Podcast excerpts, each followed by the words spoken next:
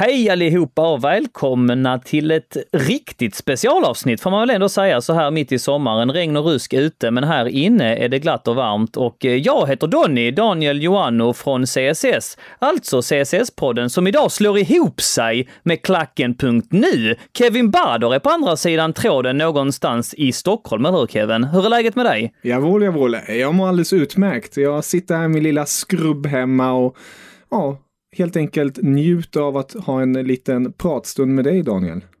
Ja, men det är väl hur bra som helst och skrubb indeed. Jag sitter också inlåst på, jag har lagt ut det på vår CSS-podden-grupp på Facebook, mitt, mitt, äh, min, min fina studio som är alltså i grovköket. Den hamnade där, vi hade en vattenläcka i huset och så fick jag flytta in hela, och så sen har det inte blivit äh, att jag har flyttat ut igen. Så att här i grovköket är jag. Äh, frugan sa till mig, är det okej att sätta på en tvättmaskin? Nej, nej, nej, nej, nej, det går ju inte, sa jag. Det hade förstört hela sändningen. Men eh, vad gör man inte i de här uh, amatörrummen för att få ut en podd, eller hur? Du vet hur det är, walk the extra mile och allt det där. Man får eh, liksom bjuda till ibland. Men i varsin skrubb sitter vi alltså och ska prata Chelsea idag, eller hur? Oh ja, det ska vi verkligen göra. Det är ju en eh, speciell dag tycker jag. Ja, det är det. Och speciellt kan jag tänka mig extra för dig som Chelsea-supporter. Vi, vi prickar den verkligen korrekt här. Jag sa inför innan vi spelade in att jäklar vad bra vi gjorde det här. Vi sa i början på veckan att vi skulle spela in på torsdag kväll. Och eh, ja, se vad det blev av den här torsdagen. Ja, vi sa ju det och eh, eh, i samband med det så tänkte jag också att då blir nu, för att egentligen satt vi i måndag men så var det du som sköt på det till på, på torsdag och då tänkte jag undra inte banne mig om Lampard kommer att vara presenterad då så att vi verkligen kan kötta ut ett avsnitt för det, det, är ju roligare att snacka podd när det händer lite grejer runt klubben och det är inte roligt då när det är så här stiltje som det ändå lite grann har varit sista. Men här jäklar smällde det på under dagen så vi har mycket att beta av och jag tänker väl att, att, att du får väl dra i de trådarna och ställa mm. frågorna och så kan väl jag lite bemöta och så får vi se vad det blir av om vi bygger upp det på det sättet. Låter det okej? Okay? Jag tycker det låter alldeles utmärkt helt enkelt. Vi kan ju börja i den ändan tycker jag när vi ändå tog upp Lampard här vad är din första känsla? För det här är ju det här är inget som bara slår ner som en blixt. Det har ju varit länge på tapeten. Det har snackats länge att Lampard är en kandidat och Derby har gått ut och sagt att Chelsea får prata med honom. Eh, har du alltid varit rakt igenom yes, det här är rätt man eller har det vuxit fram genom tiden? Eller kanske helt enkelt fortfarande är lite osäker på det hela? Hur är dina känslor kring Lampard tillbaka i Chelsea? Uh om vi börjar så säga så här så, jag tror att vi får, för att ge ett ärligt svar på den frågan så tror jag att man får backa bandet till eh, vad som hände med Sarri egentligen. Och eh, göra bara en snabb analys av den säsongen, att han kom in, eh, levererade ändå resultat om man ser till själva resultatraden så kom vi trea och vann Europa League och kom till final i eh, ligacupen. Och det är ju helt okej. Okay. Det är absolut inget dåligt facit. Men så har vi allt det där runt omkring som en lite mer insatt ser. Va? För att jag förstår att man som utomstående säger att Sarri gjorde det jättebra och eh, mm. hur kommer det sig att Chelsea inte klamrade sig fast vid honom med näbbar och klor. Men vi har allt det där runt omkring att han Eh, ändå stod för några rejäla plumpar i protokollet, förlust mot eh, eh, topp fyra, i princip alla lagen, på vissa på ett riktigt eh, förnedrande sätt. Arsenal, Tottenham, vi förlorade med 6-0 mot Manchester City, 4-0 mot Bournemouth. Eh, extrema resultat som vi inte har sett Chelsea prestera på väldigt många år. 6-0 förlusten mot City var vår största förlust på nästan 30 år. Och eh, det faktum att han inte hade någon direkt länk med supportrarna.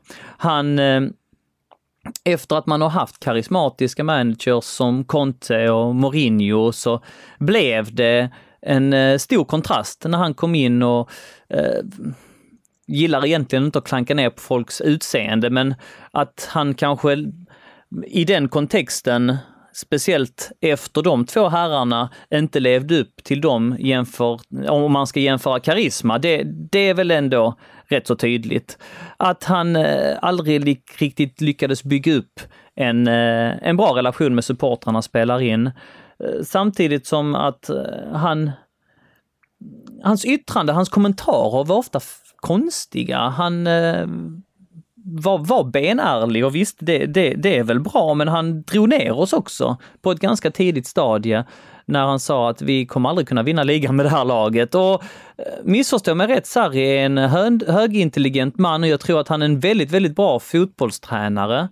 Men alla de här eh, aspekterna sammanvävt, liksom att man också får väga in att han inte var någon jättematchcoach, utan han ville jättegärna köra sin taktik som kanske då inte funkade lika bra i England som den har gjort i Italien tidigare.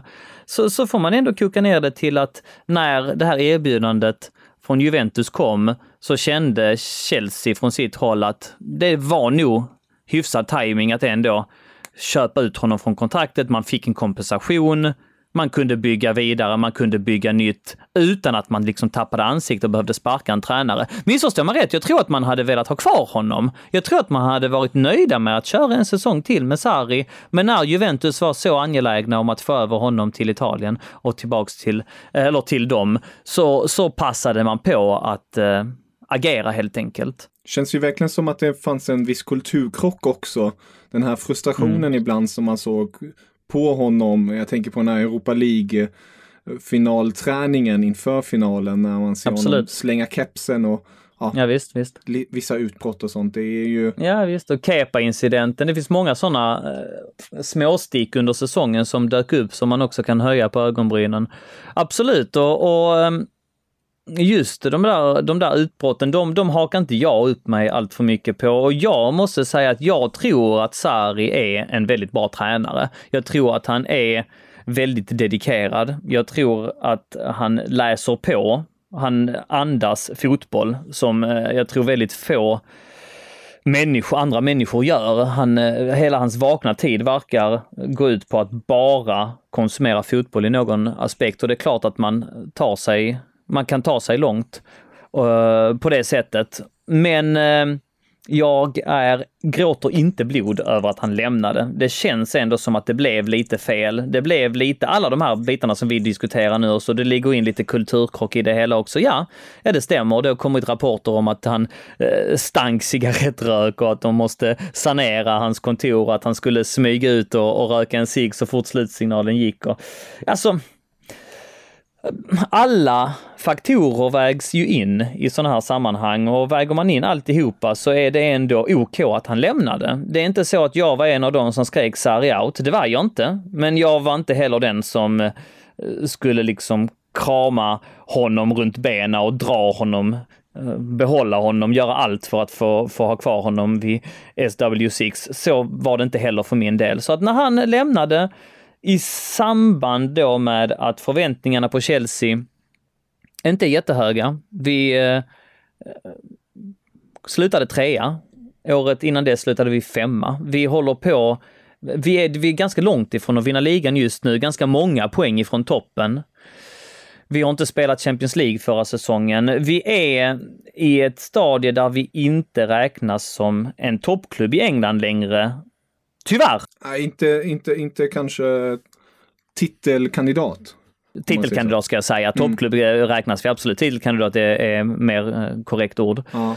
Men, men och, och, i samband med att vi också, det är den stora faktorn här också, va, som, som vi måste nämna, är den här transförbanden som hänger över oss och som eh då jag skulle vilja säga till 100 % kommer verkställas redan den här sommaren. Man, eh, i allt vi har pratat i podden tidigare här om att man kanske skulle få den fryst, att det håller på att överklagas, KAS, allt det där. Jag vet inte hur långt vi ska gå in på det just den här gången. Det blir lite upprepningar i så fall. Men eh, eh faktum är ju att eh, det verkar som att Chelsea från ledningshåll har omfamnat att det blir inget värvande det här säsongen. Och eh, ja, det ena någonstans leder till det andra. Vilka kandidater fanns tillgängliga? Hela liksom politiken kring det pekade bara mot en kandidat och det var Frank Lampard. Och eh, så för att göra ett långt resonemang, eh, för att avrunda ett långt resonemang, så när det väl allt pekade på honom så kändes det som det naturliga valet. Och ja, jag är medveten om att det är klart att det finns många som tycker att det är för tidigt och många som kritiserar Chelseas ledning för det här valet. Men eh, jag och många med mig är väldigt lyckliga över detta. Idag är en glädjens dag att vi äntligen har blivit presenterat. Och ja, det är möjligt det är för tidigt det, det, det, det är möjligt att det hade funnits någon som hade kunnat göra jobbet bättre där ute. Men i min bok så finns det inte det. Jag är skitglad idag. Jag är själaglad idag. Jag öppnade en öl klockan sex trots att jag går på semester imorgon och inte, inte tidigare än så. Och, och, och, och, och kommer eh, ta en öl till efter den här och verkligen sitta och mysa och njuta. Och det har varit intressanta dagar som har ledit upp till detta. Att man liksom höll på att uppdatera Twitterflödet igår bara för att få vänta på en på, en, eh, på ett officiellt utlåtande. Och att det då, då äntligen kom här under förmiddagen. Uh, nej, det känns fantastiskt roligt och jag är väldigt uh, taggad och entusiastisk inför uh, Chelsea-säsongen 1920.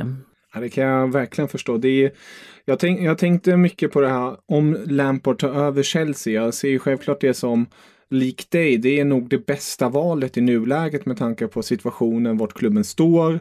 Ehm, med den här transferbanen, ehm, med statusen just nu, men även vilka som är tillgängliga.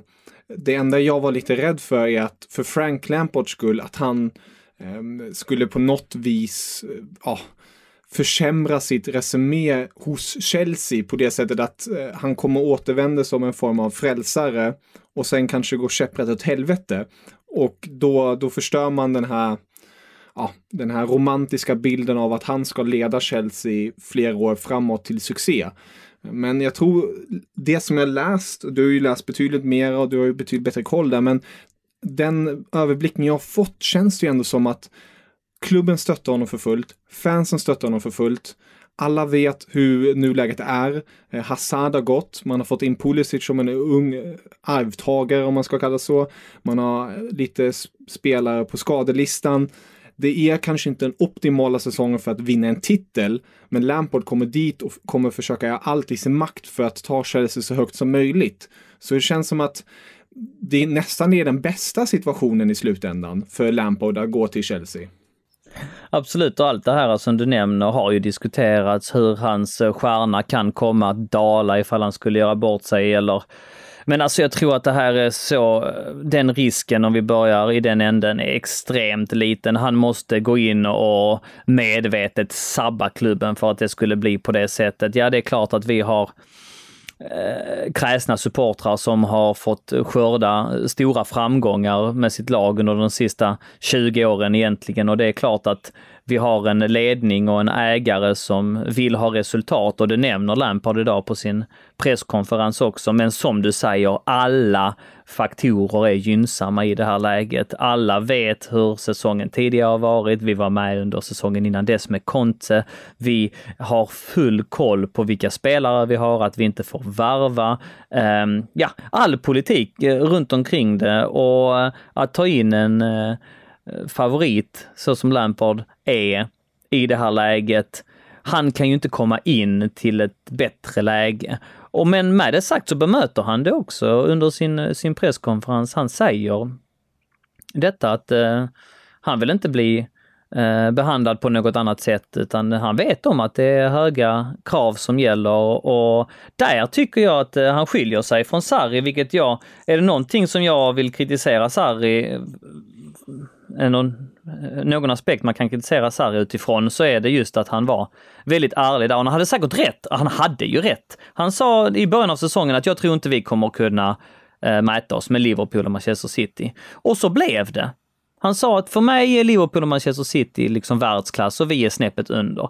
Men jag tycker inte man säger det. Då tycker jag, alltså jag har aldrig gillat det att eh, proklamera sig själv på en viss nivå, speciellt inte under. Då kan man, då är det bättre att man håller flabben. Och, och för att då kommer resultaten bli därefter. Det värsta jag vet är när, när eh, man går in i en match och har redan förlorat den. Det är klart att vi har chans. Det är klart att vi Eh, som, som vann Premier League för två år sedan ska kunna vinna Premier League igen. Och lite den attityden hade Lampard idag på, på presskonferensen. Att nej men vi, vi satsar. Nej, jag tänker liksom inte beskriva exakt vad målbilden är och mina metoder och vad som gör att jag kommer vara nöjd eller vad som kommer göra trä eller eh, ägaren nöjd. Men eh, vi satsar och den här klubben kräver att eh, en viss form av framgång och det är det jag strävar efter. Så att det tycker jag att han bemötte väldigt bra.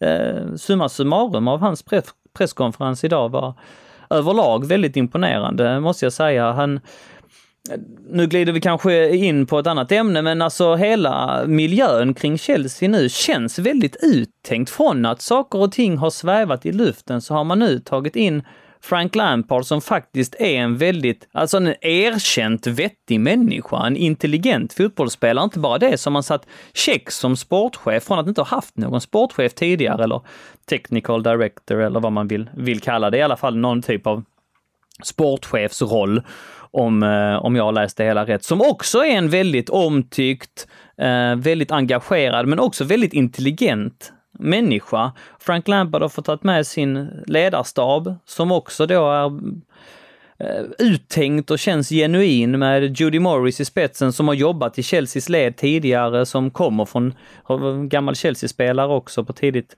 00-tal som aldrig riktigt utvecklade den talangen han besatt, men som sen då har tränat många av de här ungdomarna som man nu menar att man får plocka hem för att eh, satsa på kommande säsong i och med att man har den här transferbanden, De tränade ju Judy Morris. Eh, han var ju ungdomstränare i Chelsea innan han blev Frank Lampards assistent i Derby. Ja, visst. så att eh, det är många sådana synergier som ändå makes sense. Man har tagit tillbaka Eddie Newton som jobbade med eh, Roberto Di Matteo. Hela liksom staben och eh, strukturen kring Chelsea känns faktiskt mer uttänkt och bättre och eh, ja, mer gynnsam för framtiden än vad jag någonsin eh, tidigare har, känt, höll jag på att säga. Men, men så är det nog alltså. Så nej, det, det ska bli intressant att se vad, vad detta kan bära. Det är bara lite så här background, background, vad säger jag? Lite bakom kulisserna information när du pratar om ägarskapet så. Ehm, så Abrahamovic har ju nu varit ägare för Chelsea, du får gärna rätta mig om jag har fel, men ungefär 16 år. Eh, under dessa 16 år har han haft 14 tränare. Ehm, så det har varit en hel del rotation. Bara ge dig ett perspektiv. Mellan den första juli 2008 eh, kom Scolari och den 14 juli 2018 kom Sarri. Och däremellan är det 10 tränare. Um, så på tio år, tio tränare, men däremot har det kommit... Men nu in... räknar du in lite interimtränare och någon som Nej, har tagit de, över de en halv säsong? Bort, faktiskt. Uh, interimtränare, det, då skulle jag lägga in en, två till extra där. Uh, men... men... du räknar, är inte Gus Hiddink med på listan? Inte Adravam Grant med på jo, listan? Jo, är inte Roberto Di Matteo med det på listan? Har du rätt i. Det har du rätt i. De längre interimtränare har jag, alltså längre och längre, ett halvår och sånt. Um, ja. Men men bara det som min slutliga poäng som du också nämner där med Lamparts eh, intervju, eh, eller presskonferens rättare sagt, det är ju vad man har presterat. Jag vet att eh, ja. gode vän till oss, Fredrik Pavlidis, har också nämnt det att ja, det har varit mycket rotation bland tränare eh, med Abrahamovic, men han har tagit in de stora titlarna, så på 16 år har det kommit in 16 stora pokaler. Och det mm. säger någonting. Um, det, det, är en klubb som vill prestera på topp. Eh, och ehm, Lampard har ju varit en stor del av just den eran när det gick riktigt bra. Eh, han är ju, om jag inte är helt ute och cyklar, klubbens bästa målskytt genom tiderna. Ja. Och det säger ju någonting av eh, det, med tanke på att han är mittfältare till och med. Ehm, det är oerhörda imponerade siffror. Och jag tycker det ska bli riktigt intressant att se hur han applicerar sin tränarstil nu i sin, sin klubb helt enkelt. Um... Absolut. Ja, nej, det är också en sån grej, att han är en, eh, eh, en av Chelseas mest framträdande spelare genom alla tider, om inte den mest framträdande spelaren. Um, så att, eh, och som sagt, man kan argumentera för att han är oprövad och man kan peka finger att det kommer gå åt skogen och att han inte har någon erfarenhet. Men eh, vi vet om att eh, jobba som fotbollstränare, det är en rad tillfälligheter som tar dig till toppen och lika snabbt kan du blåsas bort. Det är små marginaler som gäller och ofta så går det snabbt. Titta på Guardiola. Alltså hur mycket erfarenhet hade han innan han tog över eh, Barcelona, Barcelona mm. exempelvis. Titta på Zinedine Zidane. Hur mycket erfarenhet hade han innan han tog över Real Madrid? Så att alltså det, behö- det kan gå åt skogen, det är vi medvetna om. Men det behöver eh, inte, Behöver inte det. göra det heller. Faktorerna som vi nämner här är ändå gynnsamma och låt oss hoppas. Låt oss drömma. Det fotboll handlar om att hoppas, njuta, drömma, se fram emot matcher, eh, tänka på titlar, fantisera om framgång. Det är det, det är ju det är ju julafton för oss fotbollsintresserade. Va? Alltså, alltså, som ett barn ser fram emot julafton ser vi fram emot stormatch. Nu vill vi bara att säsongen ska dra igång och, och ja, så den där jäkla matchen kan spelas. Så mycket av fotbollen, är, för min del i alla fall, om jag pratar ur ett rent egoistiskt perspektiv, är just det här äh, att se fram emot. Så idag är en fantastisk dag och låt den, ta inte den ifrån oss. låt oss hoppas att det här blir riktigt jäkla bra. Och det tror jag det kan bli. Det tror jag det kan bli. Potentialen finns verkligen där. Om vi, om vi går in då, du nämner och han sa ju heller inte att han går in på hur, hur han kommer applicera sin tränarstil ännu. Vi kommer ju få se det under tiden, eh, tidens gång. Men om du nu kort och gott får freestyla Eh, med din magkänsla och hur du tror att Lampard skulle kunna ställa upp med en 11 mot just United i öppningsmatchen. Det är jävligt kul att Ole Gunnar Solskjaer är på andra sidan och Lampard är på den ena sidan. Eh, två före detta eh, legendarer inom sina klubbar ställs mot varandra direkt då. Ehm, hur, hur tror du att en Lampard skulle kunna ställa upp?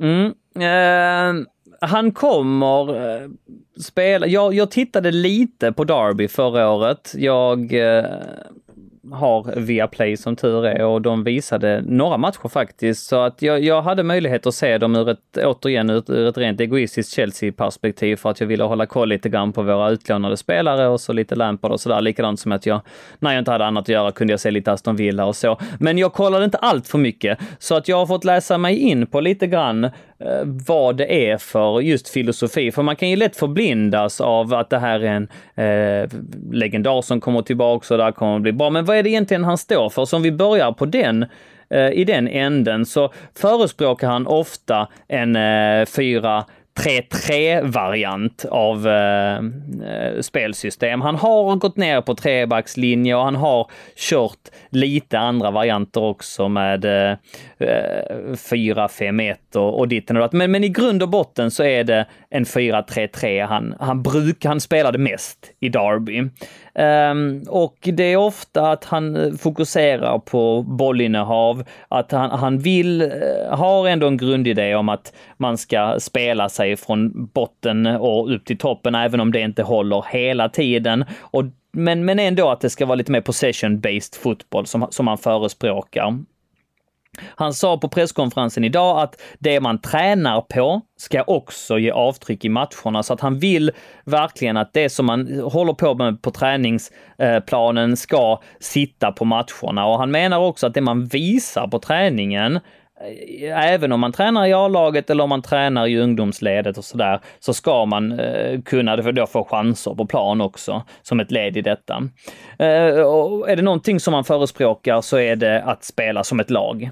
Att eh, lojaliteten och att det här att brinna för klubben ska lysa igenom. Det sa han idag också på, på presskonferensen, att det är väldigt viktigt för honom att eh, man ska spela för klubben. Och där flörtar han ju med fansen, men där vet ju han också vad som gäller i Chelsea. Och han har ju varit en så stor del eh, av Chelseas under så länge. Så att eh, han är ju väldigt stolt över att vara Chelsea-tränare och där tror jag att han är benärlig. Det, det är jag helt säker på att det är han. Det här är inte fejk, utan han är väldigt stolt över den här chansen och väldigt glad över det. Och han vill att spelarna som spelar i klubben ska vara stolta och ska vara glada för att spela i Chelsea. Och där tror jag att han är unik måste jag säga. Ja, det är Solskär som har det också, men de andra tränarna vi har haft i klubben har ju varit prisjägare i någon måtta. Va? De hoppar, ja det kommer säkert Lampard också göra. Om där skiter sig kommer ju inte han lägga sig och dö, det är inte det. Men jag menar, jag tror att eh, får han till den här uh, bryggan så tror jag det kan bli jäkligt bra. För att det var någonting som han, han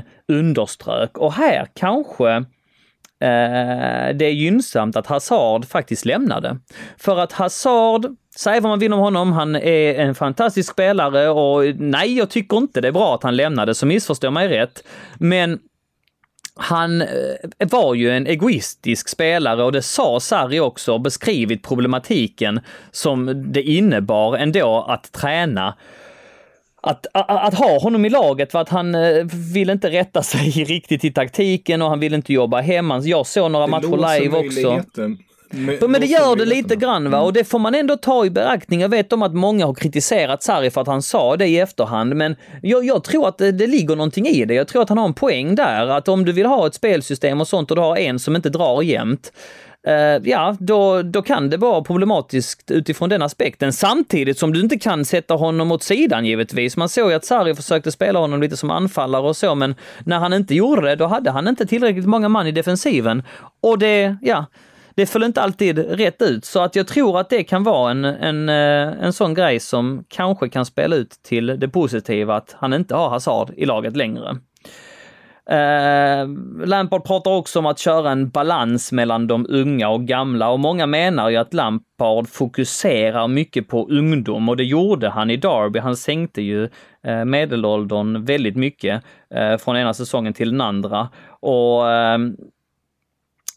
gav unga spelare chansen. Han gjorde lite en grej av att, att ge ungdomen chansen. Men själv tonade Lampard ner detta idag på presskonferensen. Han menade på att eh, du kan vara 32 och göra det jävligt bra och du kan vara väldigt ung och du kommer få chansen. Men, men eh, det handlar om att hitta rätt balans och eh, det, han menade inte, han ville liksom inte bli Eh, för stämpeln på sig som att han bara liksom satsade på ungdomen hela tiden, utan han menade på att det är viktigt att ha, att ha, ha rätt balans där och inte liksom skriva av någon för att de var på en viss ålder. Eh, men det innebär också uppoffringar och där glider vi in på det du nämner nu, va? för att om vi bara tittar på mittfältet till exempel. Lampard idag på presskonferensen hyllade Kanté och han är ju inte eh, en av de yngsta i laget såklart, va? men han sa att han, han sa att Kanté var en av världens eh, bästa mittfältare, vilket han är såklart. Men kollar vi på, om vi ponerar att vi kommer köra tremanna mittfält, Förutom Kanté har vi ju Kovacic som eh, nu är en permanent övergång. Han är en Chelsea-spelare. Vi har Barkley som ändå gjorde det hyfsat. Eh, och, och vi har Jorginho. Eh, så det är de fyra som konkurrerade i stor grad förra året. Därefter har vi Ruben Loftus-Cheek som också eh, tog plats, för, framförallt i andra delen av eh, säsongen. Även om han är skadad just nu och kanske inte återkommer förrän i mitten av, av nästa säsong så är han ändå en spelare som vi eh, respekterar och som förmodligen kommer att krita på ett nytt kontrakt här i dagarna och som vi, vi hoppas på. Eh, vi har även eh, Danny Drinkwater som inte fick en sekund men som ändå är med i truppen. Han spelar inte en, eh, någonting under, under Sarri. Och vi har, om du googlar in på hemsidan, så har vi även Marco van Ginkel, holländaren som vi värvade för några år sedan, som har plågats med en knäskada, men som eh, har ändå jobbat bra på sin rehab och som är där i, i vassen, men ja, inte riktigt har uh, gjort något, något avtryck än. Förutom detta så har vi Mason Mount som spelade i Derby förra året och gjorde det jättebra. Vi har ju även Timoje Bakayoko som eh, har eh, i intervjuer sagt precis tillbaka från lånet. Och det kanske är även liksom Ethan Ampadu kan spela mittfältare, men det är en jäkla massa spelare på väldigt få positioner. Och det nämnde ju Lampard också idag på presskonferensen att det blir ju intressant att formera det här laget att det kommer bli uppoffringar och han kan ju inte spela alla gamla och spela alla unga och, och vara liksom, det är bara 11 platser. Så att det kommer bli jätteintressant att ta ut ett lag eh, således Ja, det, ja det, det, det, är jäkligt svårt för man vet inte riktigt hur han, hur han resonerar. Men ja, man, man kan väl försöka. Det kommer ju vara Kepa längst bak, garanterat. Jag ser jättegärna att Cesar Aspilicueta fortsätter spela som högerback och jag ser också jättegärna att han fortsätter vara lagkapten. Reece James är en av de här ungdomarna som gjorde det väldigt bra på lån i Wigan förra säsongen och som blev väldigt hyllad för sin säsong. Och han ser jag jättegärna eh, ta plats som backup till högerbacksplatsen. Jag, jag utgår från att man vill ha två uppställningar, alltså så 22 spelare. Och för mig så är det helt okej okay om vi säljer Davide Zappacosta.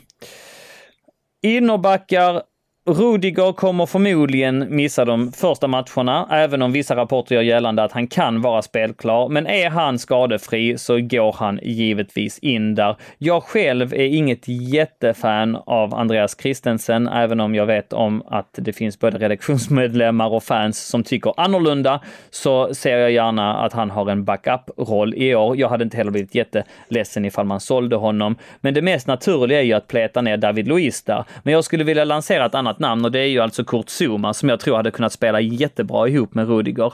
Och om jag får välja så får Kurt Zuma chansen i år, men det, så kommer det förmodligen inte bli. Det är mycket rykten som pekar att han, att han faktiskt säljs till Everton och att Lampard kanske väljer en mittbacksuppsättning då med Rudiger, David Luiz, Andreas Christensen och Fikari Tomori. Det är fyra spelare på två positioner och ja, teoretiskt sett så borde det räcka. Så att eh, det är möjligt att, att det blir åt det hållet. Men jag hade gärna sett att Zuma eh, bildade mittfax eh, och, och, och, faktiskt gick in eh, i en startelva tillsammans med Rudiger.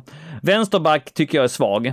Vi har ingen jättebra vänsterback och vi har inte någon naturlig eh, som har varit ute på lån som gjort det sådär jättebra just på vänsterbacken heller. Så där säger Emerson Palmeri i brist på annat. Men där behöver vi egentligen en ersättare. Den är vår svagaste position skulle jag vilja säga faktiskt. Det står mellan Emerson Palmer eller Marcos Alonso som ingen av dem är sådär jätte, jätteduktig. Men om jag tvingas välja någon så får det bli Emerson i så fall.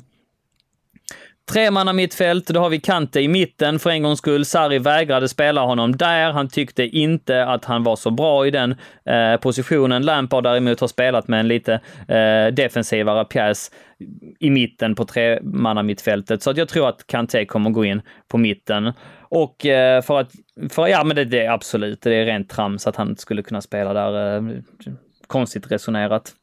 Um, och uh, bredvid honom så, ja det är ju tråkigt att säga Kovacic och Barkley.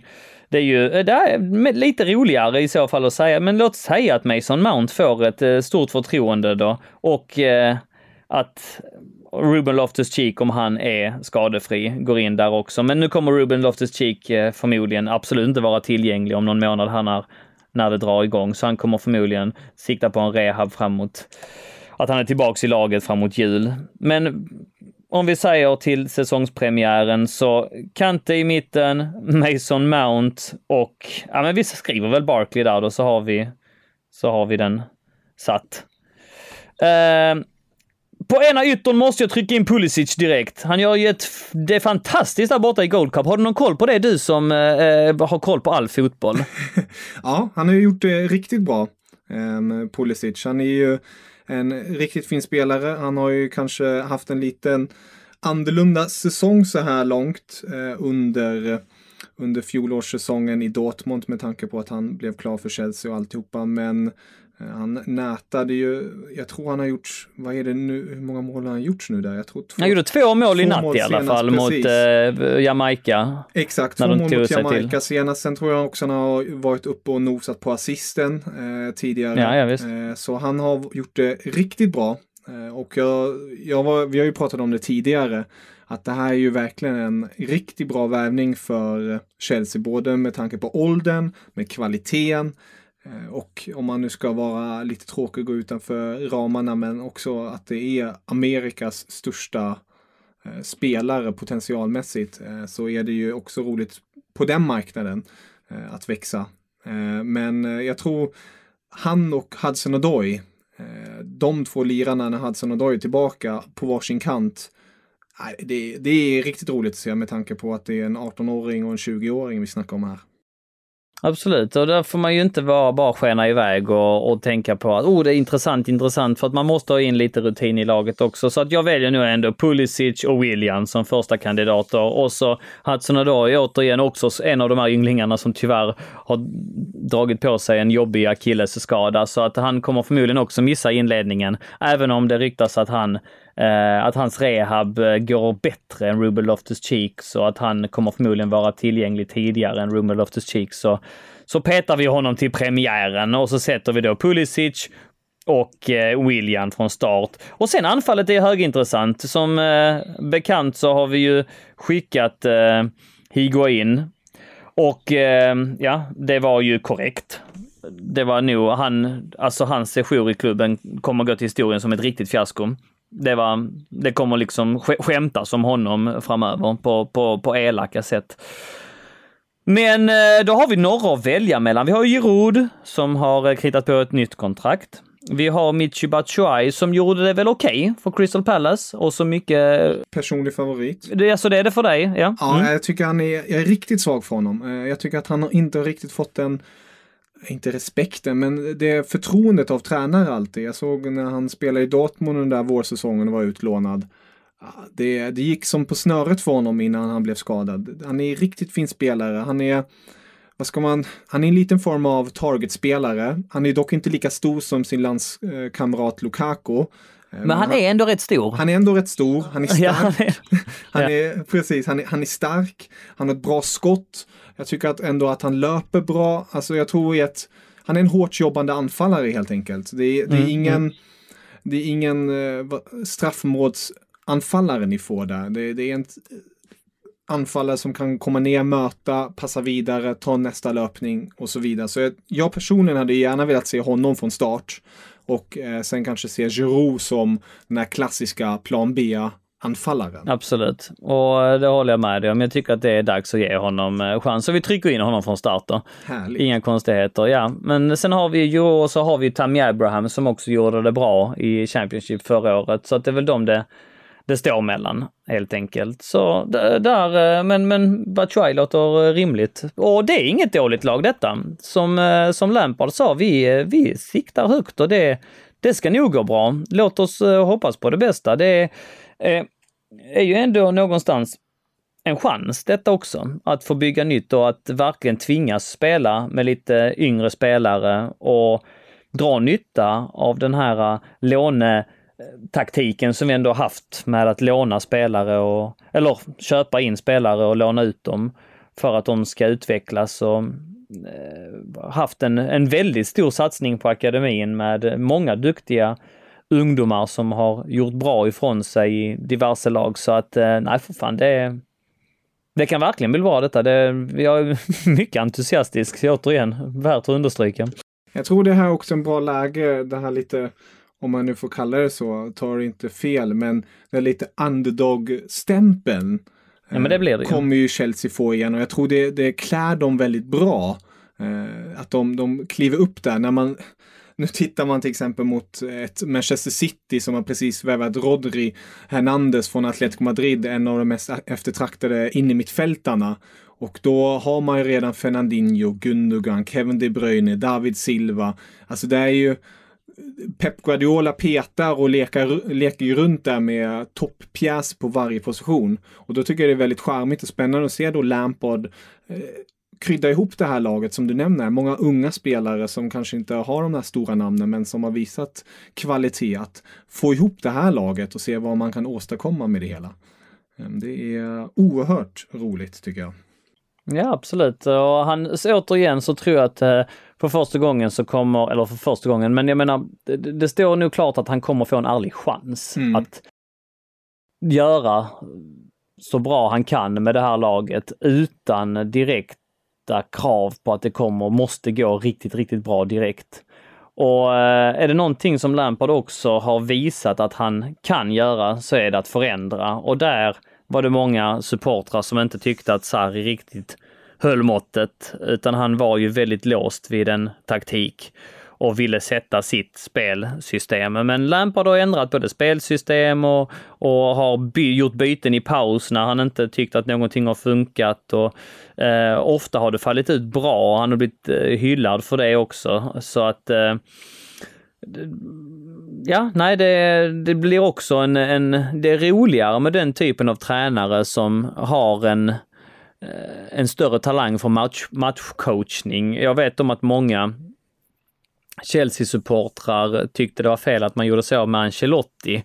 Men Ancelotti tyckte jag aldrig var en riktigt bra matchcoach, utan han kunde gärna se en match, se ett visst spelmönster och bara låta det eh, för, mm. låta matchen förloras för att han inte, ja precis, för att han inte gjorde mm. någonting åt det. Och lite så var ju Sarri också. Jag tycker att du får ju gå ifrån din, med en plan A och en taktik med all respekt det är jättebra att ha det, men du måste ha motgift på om den här taktiken spricker någonstans och då kan desperata metoder ibland vara gynnsamma, speciellt i fotbollens värld. Och där tror jag att Lampard är vågligare helt enkelt för att det, det visade han på i Derby förra säsongen. Mm. Ja, det är, man blir ju oerhört taggad på den nya Premier League-säsongen och att den också ska starta för Chelseas del mot Manchester United kryddar ju till det ännu mera. Ehm, det är ju när vi spelar in det här, det är den 4 juli, det är ungefär eh, fem dagar och en månad kvar till eh, premiär då. Har du datumet för premiären framför dig? Eh, jag tror själva Premier League-premiären är den 9 augusti, på fredagen där. Ehm, mm. Då spelar Liverpool Norwich. Och sen är det um, själva Chelseas match är den 11 om jag inte helt ute. Precis, vi spelar på, på... Söndagen 17.30. Så det blir, ja, det är superkul, verkligen. Och så har vi ju Supercupen också mot uh, Liverpool. En liten uh, styrke, styrkemätning direkt där. Mot ja, ja, CL-mästarna. Ja, in i hetluften direkt. Vi får se hur det går för uh, Manchester United. Det är ju ditt lag i England, eller hur? Mm. Vad, vad tror du om deras chanser i år?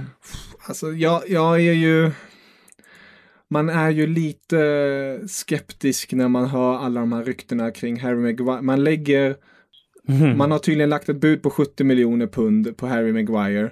Men Leicester vill ha 90 miljoner pund. Och sen läser man samtidigt rapporter om att Juventus är nära på att värva Delikt för 45 miljoner plus bonus.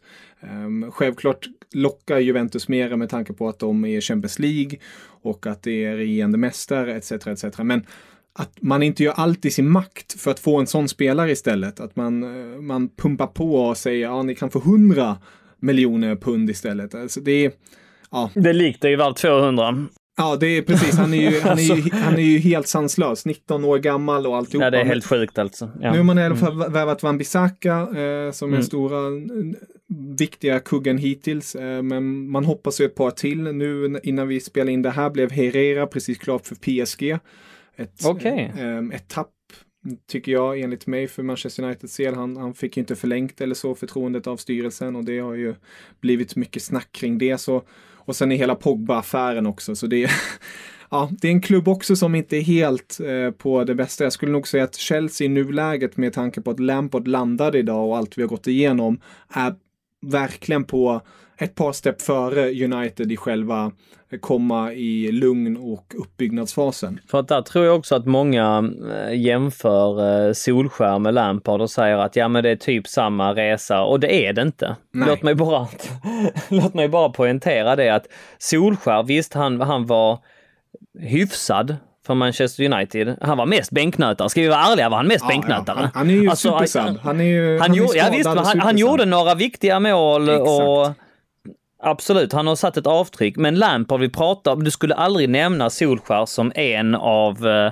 de allra Nej. viktigaste i Uniteds historia. En, en George Best eller kanske en uh, Keane eller en uh, Ja, ja, det finns en hel Beckham del. i viss mån. Ja, alltså det finns många man kan, Charlton, ja, givetvis många, men Lampard är där uppe. Han, han är, är där uppe. Och visste nu det här personliga preferenser kanske och givetvis är jag färgad. Men Solskär har inte slått mig som någon, han har inte gett något, gjort något, något avtryck på mig rent liksom intellektuellt. Jag tycker han uttrycker sig flummigt, han har hyfsat dåligt språk, konstigt nog, trots att han har bott där så, så pass länge i England. Han, eh, han flummar, han hoppar mellan olika ämnen när han ska svara på en fråga.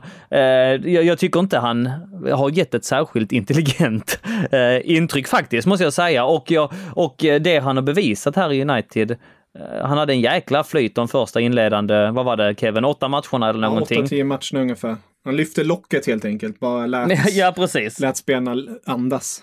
Men, eh, och så att eh, där tror jag faktiskt att vi, vi har lite av en edge också med mm. Lampard som är erkänt eh, mm. duktig, erkänt intelligent, vältalig och så vidare. Så att ja, återigen, nu, nu är det här, nu, jag vet om att du har många lyssnare som, som eh, är supportrar av olika lag, va? så att eh, ja, be om ursäkt till dem i, i förväg. Jag är Chelsea-supporter, jag är färgad och det, det kommer säkert avspeglas, eller det gör det, konstigt vore det annars. Men eh, detta är mitt sätt, min ödmjuka approach på det hela ska jag säga. Ni skulle hört om jag inte var ödmjuk. det låter bra. Ja du Daniel, ja. riktigt roligt att prata med dig verkligen. Ja, visst. Jag, jag, måste bara slänga in här lite, ett totalt sidospår.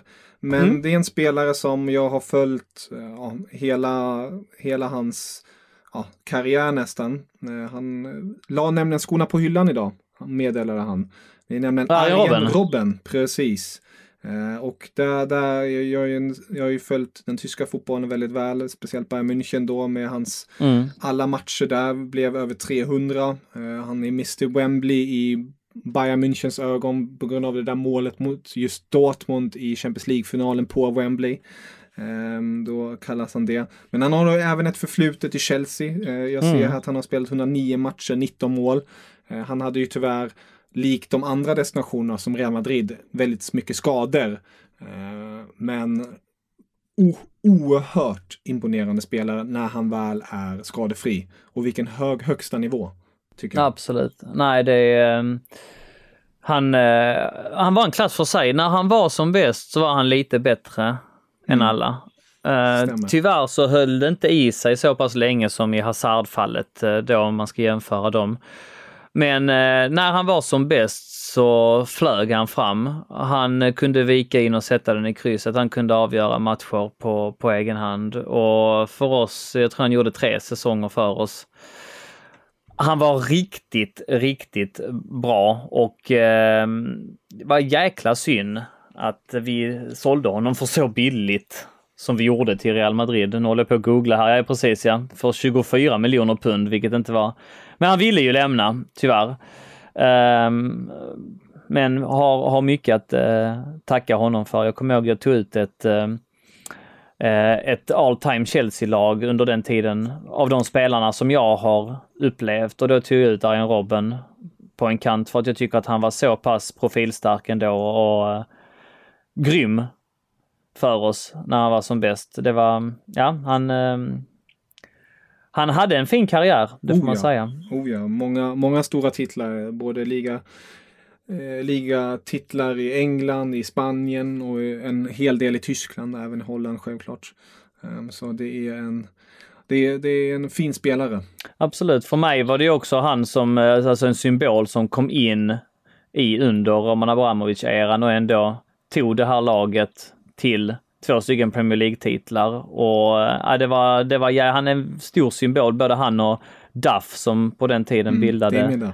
Ja, precis. Var vindsnabba och stod för den kreativiteten under det laget som Mourinho ledde. Så att nej, en mycket fin fotbollsspelare, en, en fantastisk eh, karriär eh, under så många år, men eh, hade gärna sett att han stannade i Chelsea en längre tid. Det förstår jag, det förstår jag. Ja du, jag tänkte bara kort, kort eh, lite. Nej, jag läste faktiskt av... också precis innan vi eh, slängde oss här så att eh, på, på micken. Undrar varför att det kom sådär mitt i, mitt i alltihopa. Han, det känns ändå som att han... Jag tror han, hans kontrakt gick ut med Bayern München nu och det var, det var ju redan klart att han skulle lämna. Eh, och jag tror helt enkelt han hade många erbjudande som det sades runt om i världen. Men det sägs också att han, han kom ju tillbaka från skada nu i den sista matchen i ligaspelet och jag tror inte det var helt hundra. Jag tror han kände ändå att nej, det här, det här är inte helt hundra och om jag fortsätter då kommer det bara bli sämre och eh, han slutade ändå på topp och det måste man ge honom. Det tycker jag är coolt. Sluta ja, med en, som... en ligatitel och en uh, cuptitel i Bayern München. Uh, som 35-åring ja. också, så att mycket bättre än så mm. blir det inte. Exakt. Ja. Men Daniel, riktigt kul att snacka med dig verkligen. Tycker ja, jag. men detsamma uh, Kevin. Vi fick ihop det än, än en gång. Det tycker jag. Ja. Det tycker jag. och um, ser fram emot att prata med dig snart igen när det närmar sig säsongen. Det kommer ju hända en hel del som vi varit inne på. Det kommer bli en riktigt rolig säsong. Absolut, och, och du kör vidare med, med klacken. Jag kör vidare med klacken, som vanligt. Ja, Inga konstigheter. Ja, nej, du får aldrig pensionera dig, det vet du om va? Då förbjuder jag dig från... Ja, nej, vi är tacksamma att vi har dig.